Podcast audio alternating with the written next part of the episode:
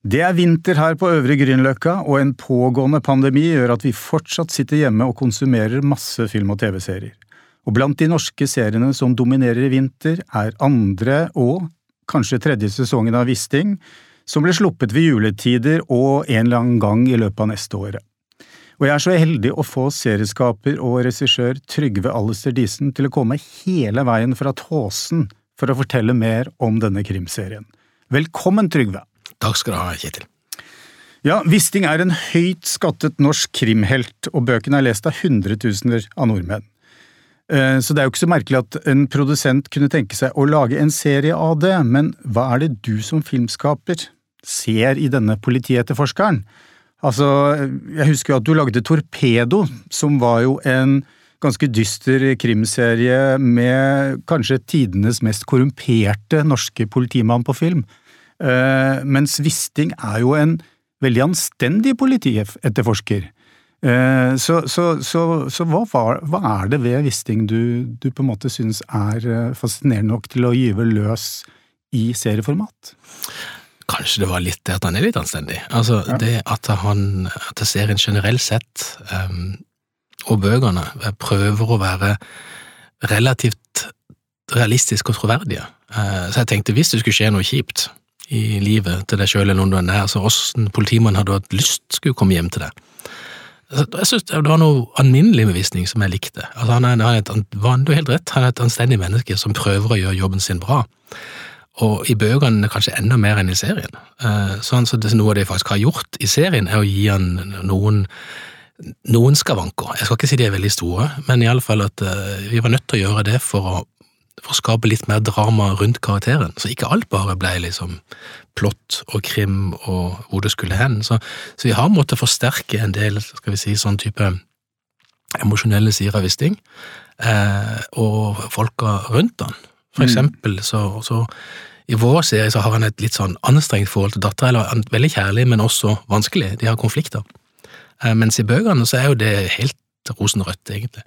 Eller veldig altså konfliktløst. Eh, så, så jeg har gjort noen sånne grep der for å, for å skape litt mer drama. Mm. Men, men den alminneligheten jeg egentlig var litt fascinerende. Mm. Altså, han er jo ikke noe dydsmønster, jeg mener jo ikke det. Eh, men altså, du har samarbeidet med forfatteren Jørn Lier Horst og hvor store friheter har du og dine medforfattere kunnet ta når dere har altså adaptert Er det to av bøkene? Eh, ja, vi har tatt faktisk fire nå. Altså, vi har tatt fire, ja, nettopp. Eh, to i hver runde. Ja, fordi man skal jo være litt forsiktig med å kødde med for mye i et etablert krimunivers som veldig mange har et, eh, et gjerne sterkt forhold til. Altså Først kan vi til utgangspunktet at, at det er grunnen til at man hadde lyst til å lage filmer på bøkene, var jo fordi at man likte bøkene. Sånn, så det er jo noe i de som man har lyst til å bruke. Eh, altså, men Samarbeidet med Jørn har vært eh, veldig uproblematisk og egentlig veldig positivt. Han, han har ikke blanda seg i den forstand, i negativ forstand. Altså, Vi har jo egentlig hatt nesten mer lyst til å dra mer inn, fordi han, vi har brukt en konsulent på veldig mye av det politifaglige. Og jeg har jobba mye med krim før, og det å ha så lett tilgang på den kompetansen av et menneske som også forstår historiefortelling, det var jo bare det var, det var helt unikt, egentlig. Kjempegreit. Um, så uh, samarbeidet har vært helt jeg vil si, helt smertefritt. Uh, han inviterte meg i 50-årslaget sitt, så det må være et godt tegn. ja, nettopp. Men, men hva, dere, hva, er det det største bruddet? Du nevnte det med, med det å gjøre altså Wisting mer emosjonell, men altså, er det andre, ting, andre grep dere har gjort som er annerledes? Ja, vi har kanskje vært litt tydeligere på å bygge et nettverk rundt han. Altså at det er liksom de samme, eller i stort sett de samme politifolka rundt han i, i, de, i de, historiene vi forteller. Mens i bøkene så varierer det en del.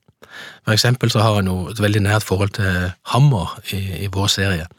Og i bøkene så har han det i, til en viss grad i noen bøker, men det er liksom et mer kollegialt forhold, to stykker som jobber sammen. Mens vi har gjort det etter hvert, da, utvikla seg til et, til et vennskap. Og Det syns jeg også var litt spennende, for det er ikke så ofte man ser det der gode vennskapet mellom kompisforhold mellom menn på film og TV, syns jeg.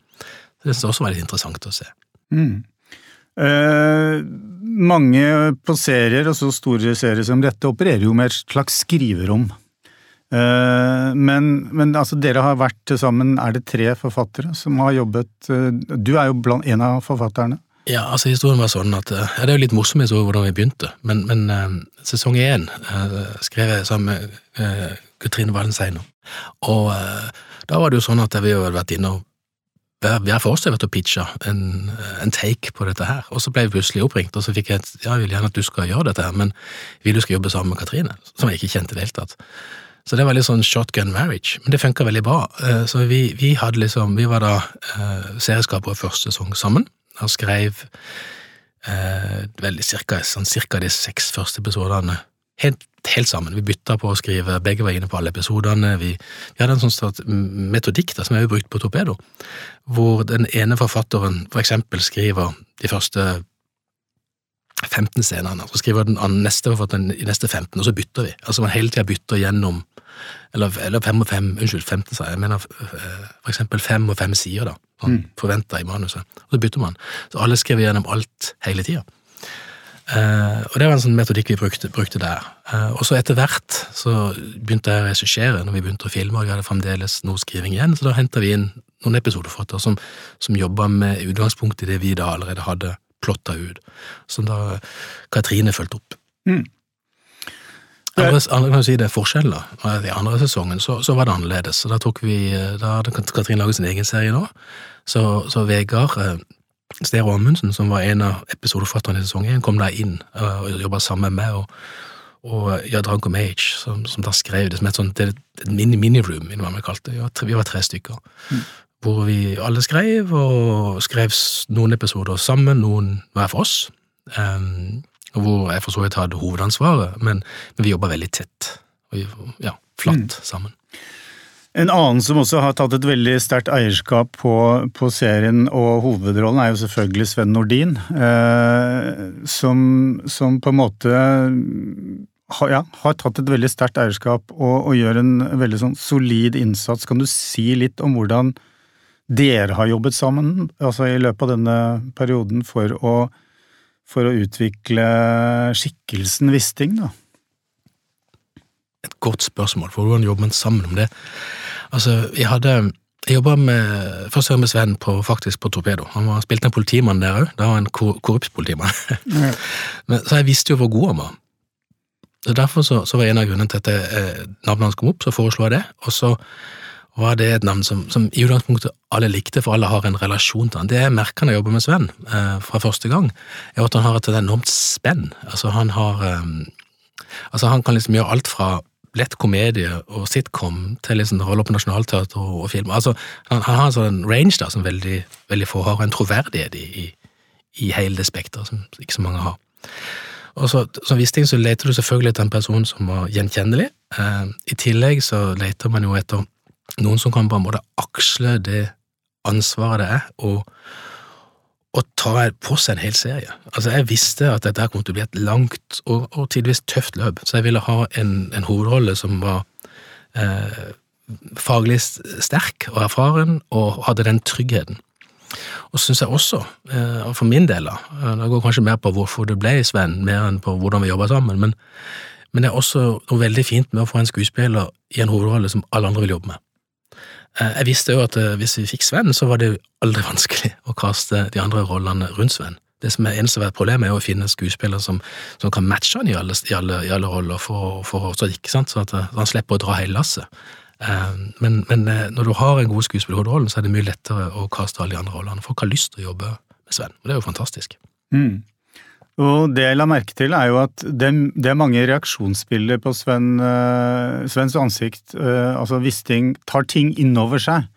Altså han er uh, Du var inne på det med, med altså en emosjonell tolkning. altså vi, vi, vi, ser at ting går innpå ham. Altså han, han tenker over ting. kan du si litt om det? Altså Altså, Jeg pleier alltid å si liksom, at når jeg jobber med skuespill, at, at det handler mye mer om reaksjon enn replikk. Jeg mm. er mye mer opptatt av veldig mange skuespillere, og spesielt de som er mindre erfarne enn Sven. De kommer på settet og har, de kan replikkene sine og vet hvordan de skal si dem. Men det er ofte ikke det mest interessante. Det mest interessante er hva en replikk betyr. Ja, hvordan man reagerer på en replikk, eller hvordan man reagerer på en situasjon.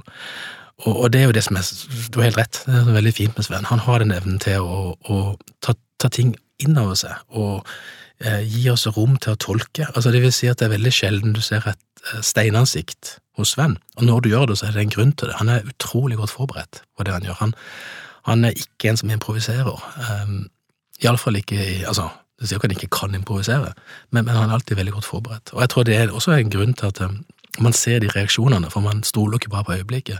Man planlegger øyeblikket. Mm. Wisting er jo, tilhører vel en kategori krimserier som er altså, realistisk anlagt, hvor, hvor, karakterportrettene er like viktige som krimplottet. Kan du si litt om altså, balansegangen der i, i Wisting?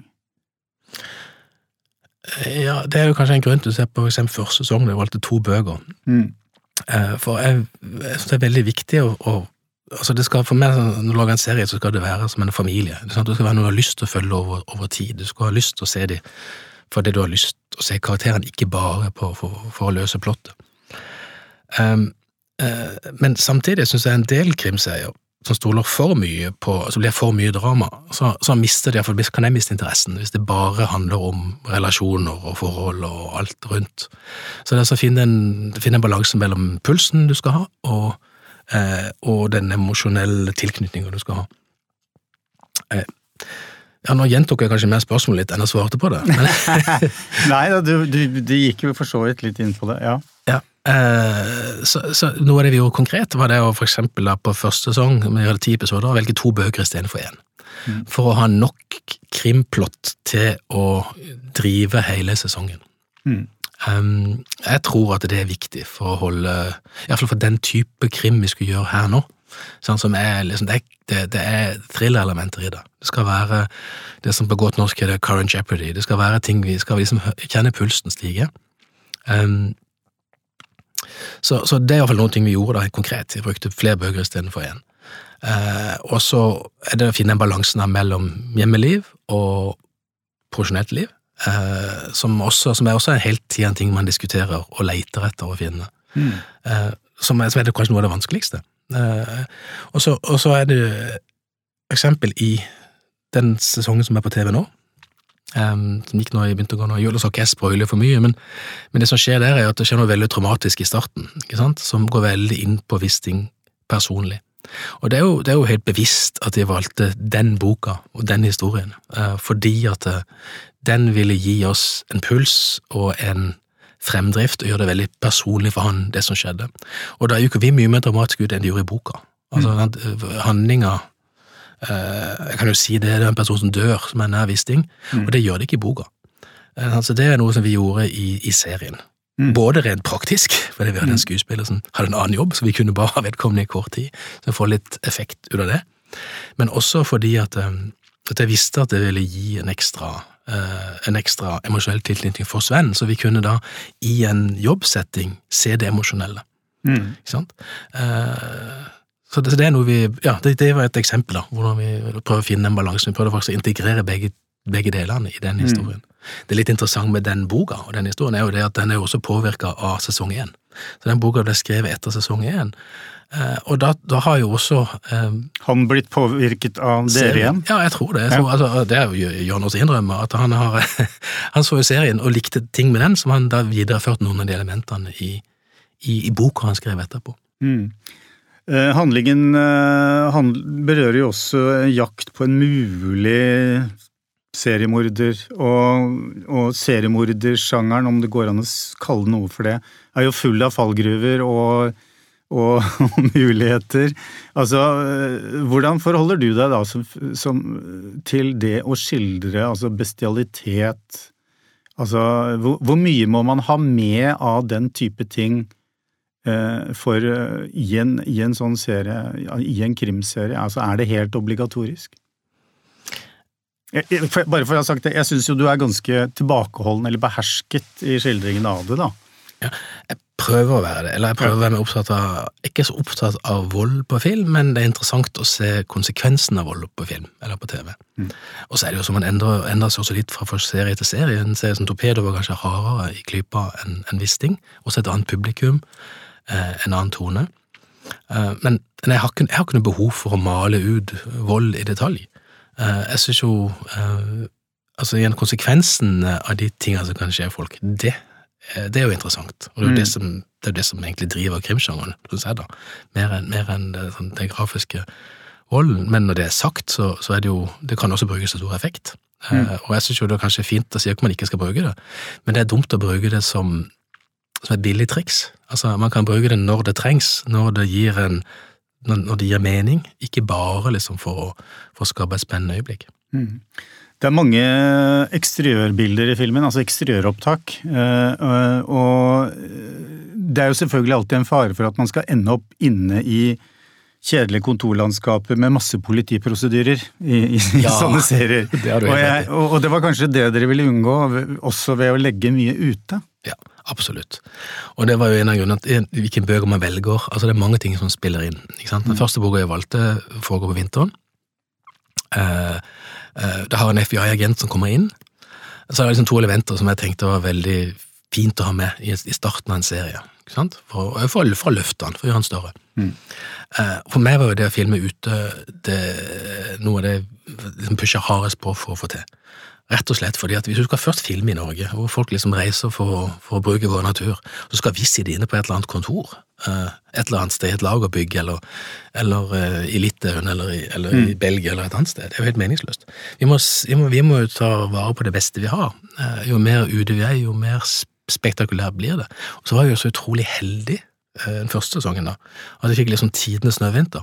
Mm. Og, og, mange klagde over det, og produsentene vi, vi, skal komme tilbake ja. til akkurat det, baksiden ved det, men ja. uh, her var det en klar fordel. Ja, Rett estetisk. Ja. ja. helt klart. For det, man har jo Når du lager noe som er så sykt dyrt som det er å lage en TV på, på størrelse med Wisting, så må du vite at du kan selge den ut i verden. Og som regissør og selskaper så må du også tenke såpass kommersielt at du tenker hvilke elementer har vi i serien som vi kan bruke på en god måte, uh, og, og for å hjelpe oss da, ut. Mm. Og én ting er, som, jeg sa, å finne en FIA-agent, og det hjelper selvfølgelig. Og det var i boka, så vi bare forsterka det elementet. Gjorde det større. Eh, men noe annet er selvfølgelig hva har du å by på rent visuelt. Du skal ha flinke folk bak kamera, du skal ha eh, et visst skøyt i cinemascope med vilje for å gjøre det stort. Ikke sant? Eh, vi brukte eh, en stor Altså, vi brukte ikke symfonisk score i, i det at vi bruktes fullt symfoniorkester, vi brukte et symfonisk style score for, for å løfte det stort. Mm. Um, og, eh, og, snøen i første sesongen var kjempeviktig, for det gir et, et, eget, et eget, visuelt inntrykk som, som, man ikke er så vant til å se. Mm.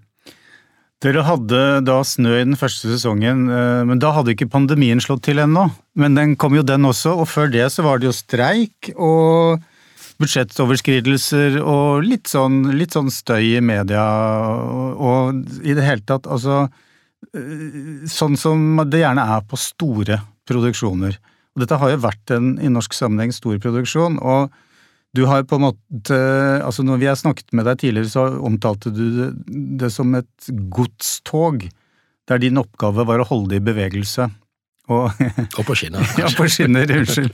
Og kan du si litt mer om det, hvordan det har vært? Altså, du, ja, kre, krevende? Ja, det er klart det er krevende i lange løp, men det er jo også veldig Det fine med å ha et så stort prosjekt, er også at du får sjanse til å jobbe med mange flinke folk som tar sin del av ansvaret altså helt fra skuespillere, sånn som Sven, som liksom kan med og gjøre det, til, til de folka rundt deg. Uh, men, men det, det, har slått meg noen ganger at, at noe av det fascinerende med store prosjekter er akkurat det. Det er faktisk størrelsen på det. Mm. Altså, Det er liksom så mange ting som skal klaffe, men det betyr også at hvis noe går galt ett sted, så bør det ikke nødvendigvis få så ekstremt store konsekvenser, for det er så mye annet som skjer. Ikke sant? Altså, det ene påvirker det andre. Ok, jeg prøver alltid å skrive manus sånn litt for lange. Mm. Hvis det er et manus, krangler med produsenter på det hver eneste gang, hvorfor trenger du så mange sider? Jo, det er fordi at hvis en scene er dårlig, tar vi den ut. Finner en vei rundt det. Uh, og det, det, er kjempelurt. Sånn, man lærer på filmskolen, ikke sant? og som man aldri får lov til å gjøre i, det virkelige liv, så man må liksom snike seg til det. Men det er kjempesmart å ha litt ekstra å gå på. Mm. Eh, Sven Nordin har jo da, som du har nevnt, uh, hatt et ensemble rundt seg, skuespillere som Eh, men hvordan, hvordan på en måte får man det beste ut av skuespillere eh, i en sånn setting? Eh, hvordan legger man til rette som regissør, sånn at de får det beste ut av hverandre? Altså er det, Kan du si litt om Ja, jeg vet ikke om dere hadde Man sier jo gjerne at i TV-serier så har man ofte ikke tid til leseprøver. Eh, det går fort i svingene, og hvordan har det vært her? Det har vært litt opp og ned. Ja. Man prøver å få tid til leseprøve der man kan, og spesielt når man har lange studioscener. Vi har også i begge sesongene har vi hatt den deler av opptaket er jo eh, altså Da er det jo de dagene i politikammeret, for eksempel. Da er det mange, mange sider manus som skal gjennom hver dag. Mm. Det, og noe av det hos oss også være på engelsk. Eh, da er det kjempeviktig å ha gått igjennom det på forhånd. Altså, jeg prøver å gå gjennom alle scener hvis jeg kan. Uh, så spørs jo, altså, og Når jeg stiger prøver, så er det ikke sånn at man står på gulvet og prøver gjennom scenene, men man leser gjennom dem, man snakker gjennom dem, man vet hva de betyr. Hvis det er noen spørsmål, kan de komme opp. Sist du vil ha masse forslag på justeringer på settet når du skal filme. Du skal vite hva du skal filme når du kommer på jobben. Sånn at um, uh, Så det er det ene. Så du, du, du, prøver så mye som du får anledning til, rett og mm, slett. Mm. Mm. Så jeg er veldig opptatt av at også de små rollene, altså de store rollene, de, de, de er kjempegode. De, liksom, de, kommer forberedt, de, kan det, de kjenner formatet, og jo mer de har gjort, jo bedre er det og lettere er det å jobbe med. Men det er klart det kommer også andre folk inn, og det er ikke så lett for en skuespiller å komme inn og skal spille en dag og to dager i et ensemble som liksom har kjørt seg sammen så lenge. Så prøver jeg alltid, hvis jeg kan, eh, spesielt hvis skuespilleren ikke nødvendigvis kjenner alle de andre skuespillerne, å sørge for at de møtes kvelden før, spesielt når vi er på location. Jeg er vi ofte på hotell, så er det veldig vanlig at vi tar en leseprøve på kvelden eh, før, som vi går gjennom teksten for neste dag. Og det er bare at folk skal føle seg trygge. Mm. Men, men, er ofte altså serieformatet, serieproduksjon Det er jo på en måte i større grad samlebånd enn langfilm, kan man vel kanskje si. I den forstand at, eh, at eh, skuespillerne på en måte er, er klare for å på en måte hoppe inn på sett og vis, å kaste seg ut i det, kanskje i større grad? Eller, eller hvordan er det? Ja, ja, og nei, på et vis. For jeg tenker nei. også at, også at i fall de større rollene er jo mye mer innkjørte. Ja.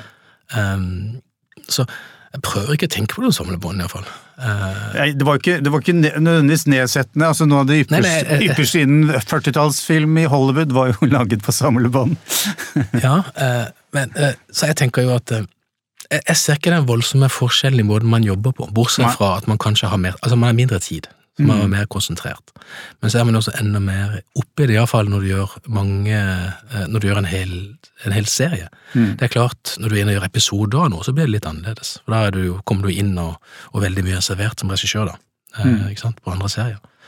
Um, men jeg prøver å unngå den følelsen av sammenbånd, selv om det helt sikkert er det noen ganger. Mm. Men det må jo ha vært, eh, altså i og med at det har vært en veldig krevende produksjon, så må det jo ha vært dager hvor det har liksom røyna litt på. Og da, hva, hva, er viktig, hva, er viktige egenskaper hos en regissør når det røyner på? Altså, hva, hva bør fokuset være da? Eh, å stole på. Eh, stole på sin egen følelse. Mm. Eh, å stole på manuset og så forhåpentligvis stole på skuespillerne. Det, det, det, dummeste du gjør når du er sliten og alt er vanskelig, det er å prøve å improvisere. Mm. Tror jeg.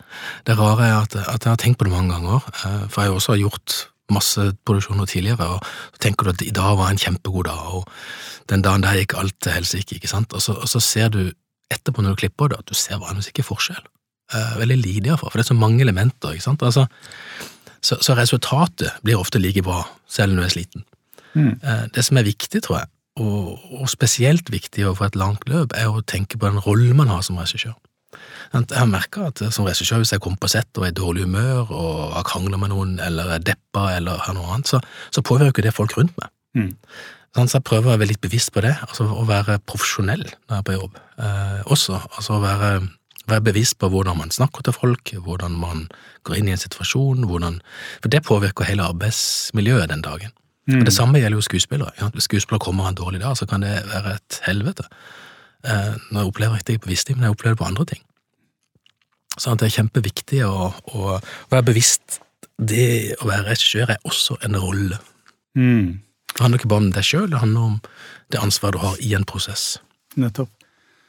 Altså, Du er jo blant de som startet som langfilmregissør. Altså, du lagde en rekke langfilmer eh, før de da gikk over til serieformatet. Og hvordan eh, ser du på det nå videre? Altså, er det Hva er det Hva er du blitt bedre på gjennom å lage serie, serier? kontra, kontra eventuelt langfilmen, altså det blir bedre til å jobbe fort, iallfall. Ja. Eh, eh, og så er man eh, Man har fått masse, masse mengdetrening. Mm. Det er klart at det er jo kjempemorsomt å gjøre, langfilm, og det er veldig fint å ha den ekstra tida og ha den Ikke minst etterarbeid.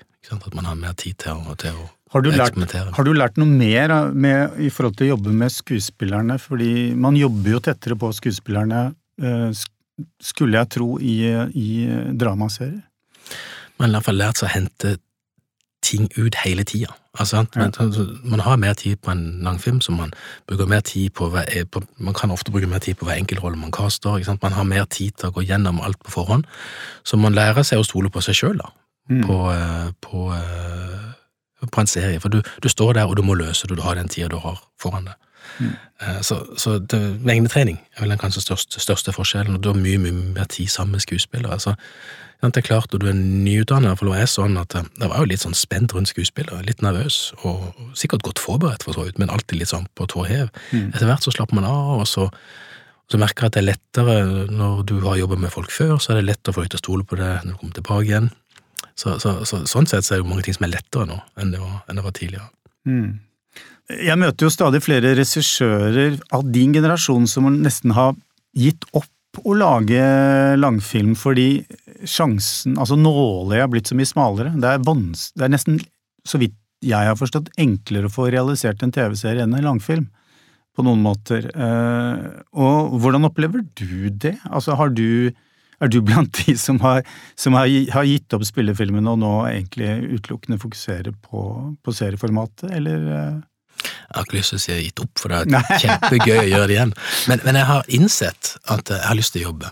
Mm. Uh, og jeg har hatt så mange erfaringer med langfilm, uh, for så vidt også med serier, men, men mye verre med langfilm, at du bruker liksom årevis på noe, og så blir det ikke noe.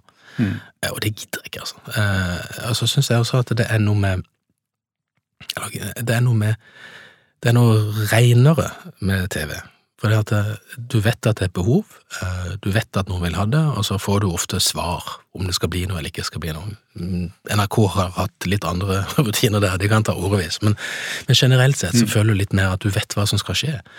Eh, På langfilm så er det så mange ting som kan skje. At det kan, en konsulent kan slutte, eller uh, endring av prioriteringer, og noen ganger så lurer du på hva er det viktigste, hva er det du skal lage, eller hvem det er som lager det. Det er så mange andre ting som, som spiller inn på muligheten. Og for meg rent konkret så jobba jeg flere år med et prosjekt som kanskje sjøl følte var det beste jeg var borti av mine egne ting, og så, og så plutselig så dør det, fordi at, eh, fordi at eh, ja, pengene forsvinner til et Plutselig skal et barnefilmprosjekt prioriteres, og du har liksom ikke noe kontroll på noe som helst vis, og det, det syns jeg er veldig frustrerende.